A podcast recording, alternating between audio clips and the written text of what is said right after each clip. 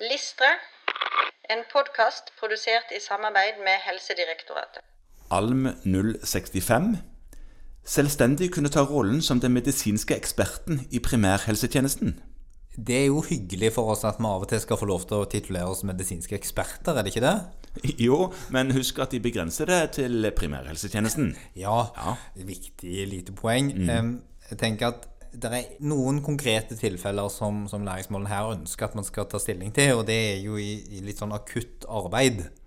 Det kan være et skadested eller en akutt hendelse også på eget kontor. Og det å være den medisinske eksperten, deri ligger det kanskje litt annen rolleatferd enn det man nødvendigvis kanskje tenker på som behandler. Ja, for det å være den medisinske eksperten betyr kanskje ikke nødvendigvis at du skal gjøre absolutt alt som skal gjøres.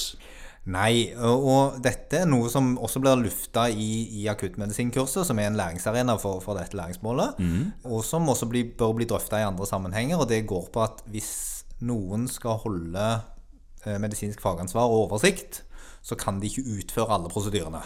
Nei. Nei, da, da mister man oversikt. Mm, og så er det òg sånn at eh, som den som har den eksperten på stedet, det er ikke nødvendigvis at du heller er den beste til å gjøre alle prosedyrene, faktisk. Det kan være andre som kan det bedre enn deg. På ingen som helst måte. Så det, det er kjempelurt å tenke igjennom rollen sin, og det må man da gjøre før situasjonen oppstår, ellers så blir det rot.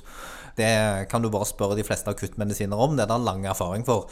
Så det å være den som har overblikk, og som setter sammen det store bildet, og som tar de avgjørende medisinske beslutningene, det skal man altså da være kompetente når man er ferdig spesialist.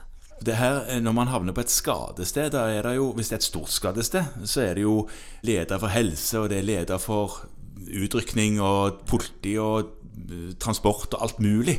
Ja. Som man òg lærer på disse kursene. Det lærer man også på disse kursene. Da får man en rolle, og det er veldig fornuftig at det ikke er du som da er fagleder medisin, f.eks., eller fagleder helse, som både komprimerer og gir munn til munn Nei, og spjelke. samtidig. Og passe på kommunikasjon med sykebil. Da mister du det. Ja. Så det er rett og slett det å øve seg på forskjellige roller og være trygg på hva de rollene innebærer. Dette læringsmålet ønsker at man skal lære seg noe om. Og da er det igjen noe som man må på en måte lære i kurs, og kanskje ikke får så stor mulighet til å øve på i praksis. Nei. Fordi at ø, den typen hendelser kan man jo vanskelig forutse. Og det at dette læringsmålet òg står, poengterer jo òg det at du er faktisk den medisinske eksperten i primærhelsetjenesten. Og det må man huske.